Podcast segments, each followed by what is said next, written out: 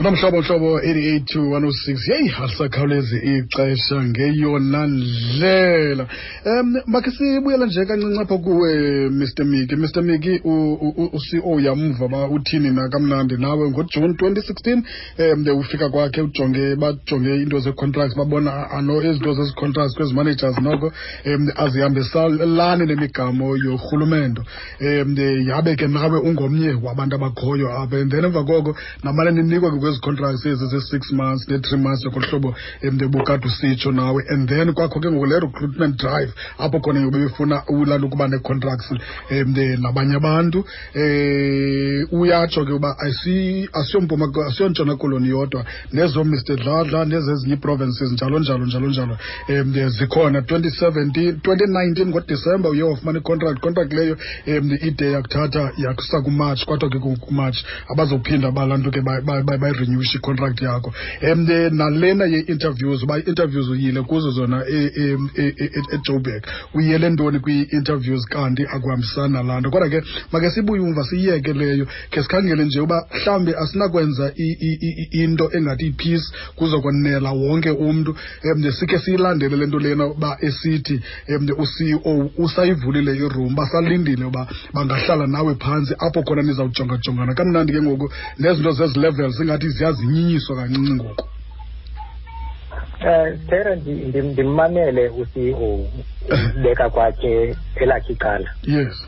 Kodwa ndifuna nje just to bring something back. Uh, ukuthi le recruitment athetha ngayo uCEO uh, yoba sa saye saya kwi kwi-interviews mm, for information Tera uba ngabantu angazange iyibone ephepheni. Mm, lo lo lo lo lo nantsika lo advert eyayisithi the very same post endi endithi okanye the position that uh, I'm serving kuyo i-advertisiwe I, I was not even aware. Mhm, ndayiva ngabantu ndayibona ephepheni. Mm, mm, mm. ndaqonda i don't want to challenge this thing ngolu hlobo loba ndi- ndi- ndibuze imibuzo. Okay. Mandisuke ndifake i-application nam kuba Okay. ngoku into ndiyibone ndizawubona xa Mm. sekuthiwa you're no longer a provincial manager ye kukhona umntu ebe-aplayele le position okay xa ungayanga wena Ndingakhange kuzo okay sindle. Mhm, mhm, mhm.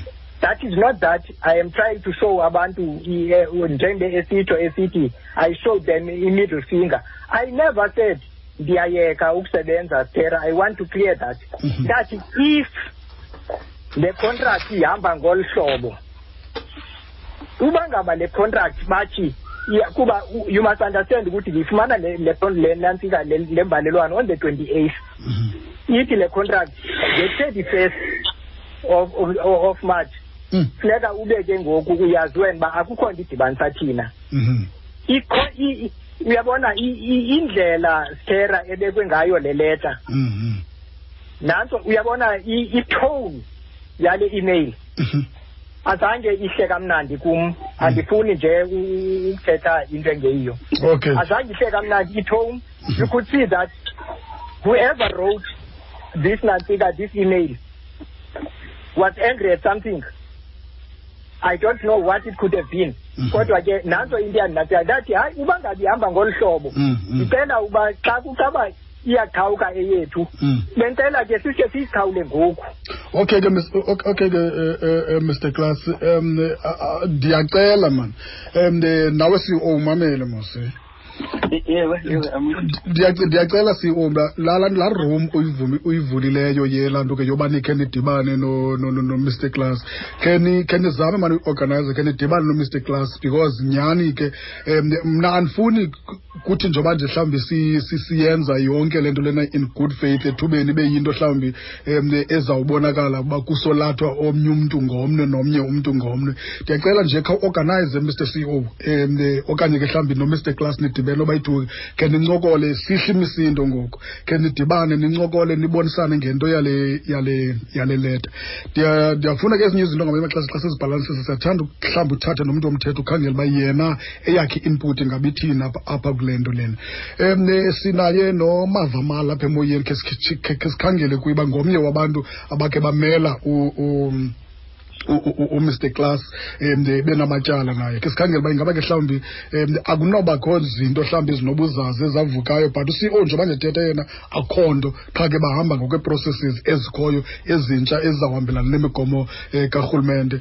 Um mr mala masikwamkele kumhlobo kunjani thethe khona enkosi kunjani tata si-orayithi mani um njengomntu womthetho wena mhlawumbi yintoni into- onosicebisa kuyo kuyo yonke le nto? Because thina ethubeni sifuna um i-boxing ihambe kakuhle smoothly kungabikho mntu ukhalayo um nezi managers zezi licenses zasekapa nazo um zide zicela usizi kangaka kwi-eastern cape. Um ibe yinto mhlawumbi enothi isolvakale lena amicably. Ndiyabulela um qala mandicacise le ndawo mm. wena undifune apha njengomntu womthetho yes not njengomntu o-involved yes yes yes. Mhm, mhm. ndiye mandimamele nje i know mr lidaka le advocate athetha ngayo ndim igwetha igqwetha likamr class umr soci Mm. in his correspondence to uboxing south africa umentionile okokuba bazawubriefa mna ukuba ndi-athende kule likamr class. Mhm. now ndi- ndiyabawela ke kuba nyhani ndibe andithethi as igqwetha likamr class. Mhm. ndithuthe ke ndithetha njengomntu womthetho. Yes. Kuba umr class yena kuqala okokuba ebesithi unegqwetha lakhe. Mm. ezinye into ke engaziphendulanga ngeba uthe igqwetha lakhe liza kuthetha okay. Njengomntu ke womthetho Mm. i-boxing is controlled by, by act of parliament Mm. and it is the only code Mhm. into zesport econtrolled by act of parliament Mm. Mm. kukhona i-ceo ene-powers ezinikwa i-boxing commission Mm. or boxing south africa Mm. okokuba is execute eku-administra- in the administration of boxing Mhm. Now xa kukhona uh, ii-contracts ezinikwa abantu Mm. i-contract i-contract xa amacala amabini evene ngayo Mm. ayibi licala elinye elithi no i've given you a contract i-six months contract xa kuphela i-six months ingabikho mntu yaziyo uba kwenzeka ntoni na Mm. Mm. uqhutyekeko kodwa i-six months iphelile was before the expiry date of the contract okokuba icala eli lifuna u-employer umntu lo Mm. i-contract omntu lo lifuna aqhubekeke Mm. uye acontractwe before kuphele laa laa date Mm. ye-contract acele uba aqhubekeke for ixesha elithile Mhm. whereupon emva kwelaa xesha umntu uyayazi into yoba ke ngoku iyaphela i-contract abhalelwe before kufikela yoba as per your agreement our contract ebesiyi-extendile iyaphela ngemini ethile Mm. Mm. akho nto injalo eyenziweyo nguboxing south africa unfortunately Mhm. i hear my ceo isithi ba-advertisile kwa-interviewer abantu for zonke ezi-post kwezi provinces andimvanga esithi umr class or any other person Mm. emva kwe-interviews bebexelelwe okokuba babe successful na okanye kange babe successful Mhm. loo nto ishiya kukhona igap Mm. kuba akunawinterviewa ubiza umntu to interview angaxelelwa uba ube success, successful na or not instead kubhalwe letter ethi termination of contract Mm. uyayibona le Mhm. ku-inter- ku- kukhutshwe advert uyarespond mr class engabanye Mm. A- atake kube khona i-short listing and all bainterviewe aba bantu Mm. Mm. kukho laa contract iqhubekekayo kamr class ungathwanga iyaphela yayifamba iphele ngodisemba but it's continuing akho nto ithethwayo by the employing party now xa ke ngoku abantu besiya kwi-interview Mm. Banelungelo aba bantu in terms of the law yokwazi uba i-outcome ithini na Mhm. i-interview Mhm. kungaske kubhalwe ileta ethi we're giving you until the end of umarch andanoba ndibeka kakuhle na no no no ndiyakuva ndiyakuva because xa ndiyakuva. kuzobhalwa ileta Mm, isithi weare giving you until the end of march mm, kungekho nto ithethayo nge-outcome ye-interview Mhm. even in that letter my sense is that mhlawumbi laa letter ayifanuba ithe as per interview o- owuye kuyo ngemini ethile. Mhm, i-decision ekofikele kuyo into yoba another candidate ibe successful mm, kwi during the interview. And as such we are requesting that if by such and such a date ube uyanikezela izinto ze-office ne-office. Mhm, xa ingezekanga ngolo hlobo ithi kwinto enkulu eshotayo Mm. ingakhange yenze mm, Ndi- ndithethile nomr lijaka mm, ndathi kuye i have instruction zokuba ndi-interdicte le nto yovalwa um kwale kwale advert ngemini e-thirtieth mm, yani? Mhm, but because of our good working or relations mm, uthe kum advocate i hear what you're saying mhm, ndizawucommunicate ne-board and i'll write a letter to you mhm. stopping this thing Okay. which he did Okay, okay. honey Mhm, and I, I, I- confirmed the receipt of his email and I, I, I know Bandman and City. So I'm, I'm an attorney, mm, an advocate. I've started boxing. I started boxing in 1987. I've, I've spent about 34 years of life in boxing. mm, mm, I have also amended some acts to boxing, illegal boxing act. Mm. Uh, nento boxing act. Ngaphandle kwento yomthetho lo. mm, mm, mm. Now, ndithi kumise lijaga into ze-boxing mna as a person people will look at me as a messiah kwi- kwi-disputes ze-boxing south africa nee-licenses Mm, and mna i want to assist in the development of i-boxing. Kuba i-boxing ayizudevelopha ayizufana sponsor okokuba Kuyaliwa. Mhm, Hayi. mm, mm, mm, so izawudevelopha ngoluphi uhlobo. Mm, now umr class xa ndithetha ndiphuma ndiza kuye as my client. Mm, when he retired from work he could not get his pension. Ndifuna uza kule nto yothetha nge-service providers kamr umr lejak mm, i-boxing south africa year after year icomplete- icompleta i-irp five forms mm. zaba bantu ithi kababiza ke i-service providers what would they complete the IRP five form for the service providers is their responsibility kaloku usubmitha into zabo kwi- ku-SARS not for South Africa to submit IRP five forms because by doing that it have employed Mr. Clark has been un- unable to get his pensions zasemsebenzini because of the IRP five forms esubmitted by his employer ayo employer yakhe iboxing south africa. So these things need to be looked at seriously Mhm, because we want to see boxing developing. Mhm. I want to see abantu beboxing besebenzisana kakuhle. Mm, mr. Lijaka will agree with me ukuthi sometime in Israel in November last year when he, the provincial manager at Eastern Cape Eastern Mr. Jacob, had a problem ne, ne, ne promoter, AT buyer, has to participate in the tournament. They sought his services from Mr. Class, AO officiate a World Boxing Organization fight fight. And wakubekeka, waba isimamaiza yala tournament on behalf of, of boxing south africa mm. so le nto ithethayo ithi umr jaka isithi he's, he's got an open door policy Mm. and he's available for uba kuthethwe Mm, and all mm.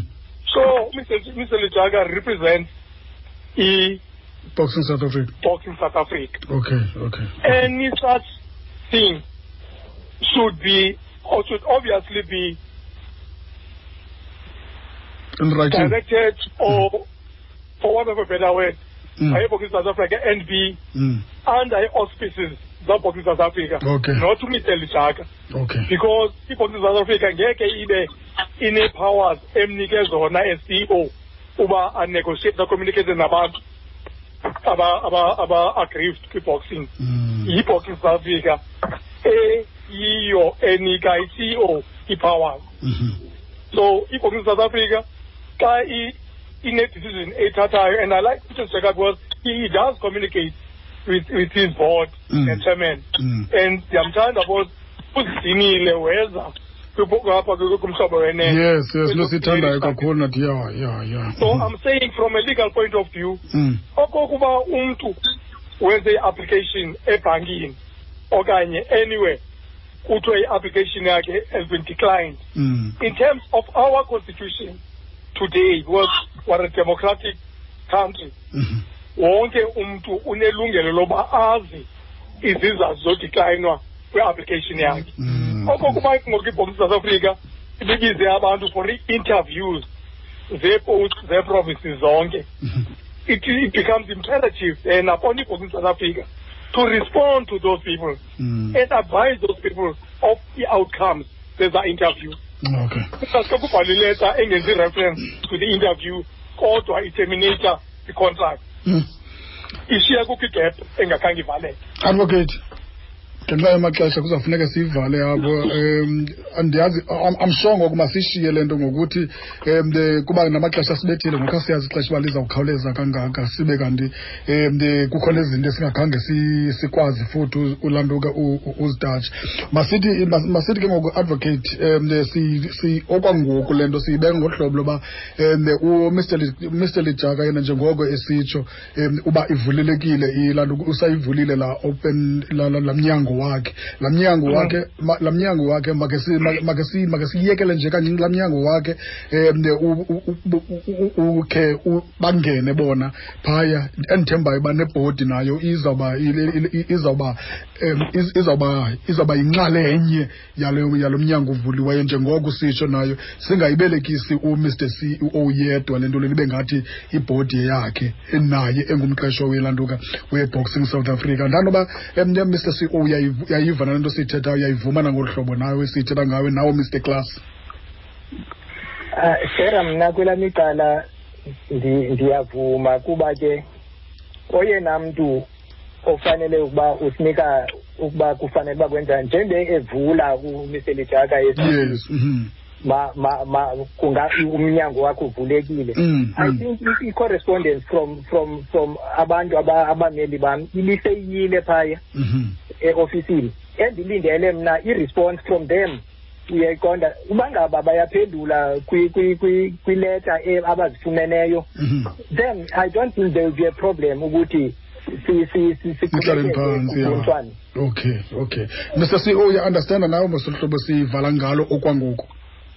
Yeah, no, no, I think I must just quickly two things uh, before I part. Um, okay Eh, First thing, the the CEO does not act outside yes. um, the mandate from the board, and I think there there is what is called delegation policy and arrangement within Boxing South Africa. okay so yonke into oyenzayo wena yinto eyaziwayo yi-entire board Yes, that's Yeah. Mhm, mhm. That is the first thing. Mhm. Uh, but the second thing is that um, Mm. in terms of our, our correspondence Mm. between myself and Mr. Nikki Klas, Mm. um, as far as I can recall, the last correspondence was outgoing correspondence from myself to Mr. Nikki Klas. Mm. Um, if there's any other correspondence that I'm missing, Mm. uh, be it from his attorney or anybody else, Mm. uh, I'll be happy to connect with that. But Okay. I, I, I know not of that correspondence. Mhm. Uh, but like I say, if there is, I, I, I'll be happy to attend to okay that. Okay. Uh, the last thing, I'm going to always remain very critical.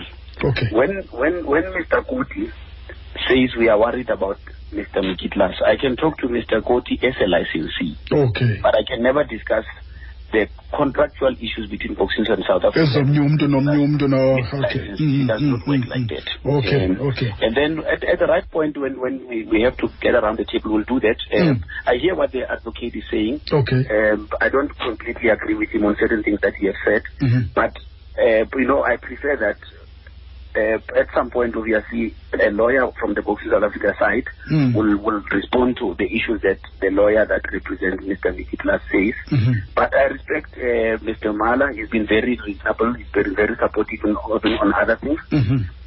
And I'm sure that with his counsel and commitment towards a resolution, Mhm. something will be found that will that will work for all parties. Uh, But as far as I'm concerned, Mm. uh, Boxing South Africa has acted in the best interest of justice, of administrative uh, righteousness. And if there's anything that we, we would have done wrong, uh, which I hope we haven't, uh, it would have never been out of intentions or malice Mm. uh, to ill-treat anybody. Okay. Mr ceo um ndi- ndiyayazi uba bukhona imicimbi efa- esifana uba sincokola ngawo uba benidibene izolo but um siyacela mani uzawuphinda usawuphinda sicela ixesha usiphi ixesha laloo nto leyo ngoku. Ixesha lona lanamhlanje lityiwe ngulona umcimbi. Siyacela uphinde usivulele futhi um lo room sikwazi uncokola ngezinto ebenidibene ngazo izolo nezinto zowuvulwa uba ingaba ke mhlawumbi ndizawuvula nini ngoku xa sijongile um umphathiso wezemidlalo utheni kuni kodwa ke um ixesha ke ngoku si- lisibethile kakhulu. Um advocate mala masibambe ngazo zibini nge-input yakho kanti ke miki class um nawe bhuti wam siyabamba ngazo zibini eh, ngaphandle nje uba mna siloko ndibikwe xa ixesha liphelile hayi man advocate man. Ya mr koti enkosi kakhulu bhuti man ngoba nisinike uba kwenzeka ntoni kweli cala? Si oh danke guys man. Enkosi kakhulu kunonke guys man. Enkosi kakhulu ngexesha lenu. Man Mm. okay.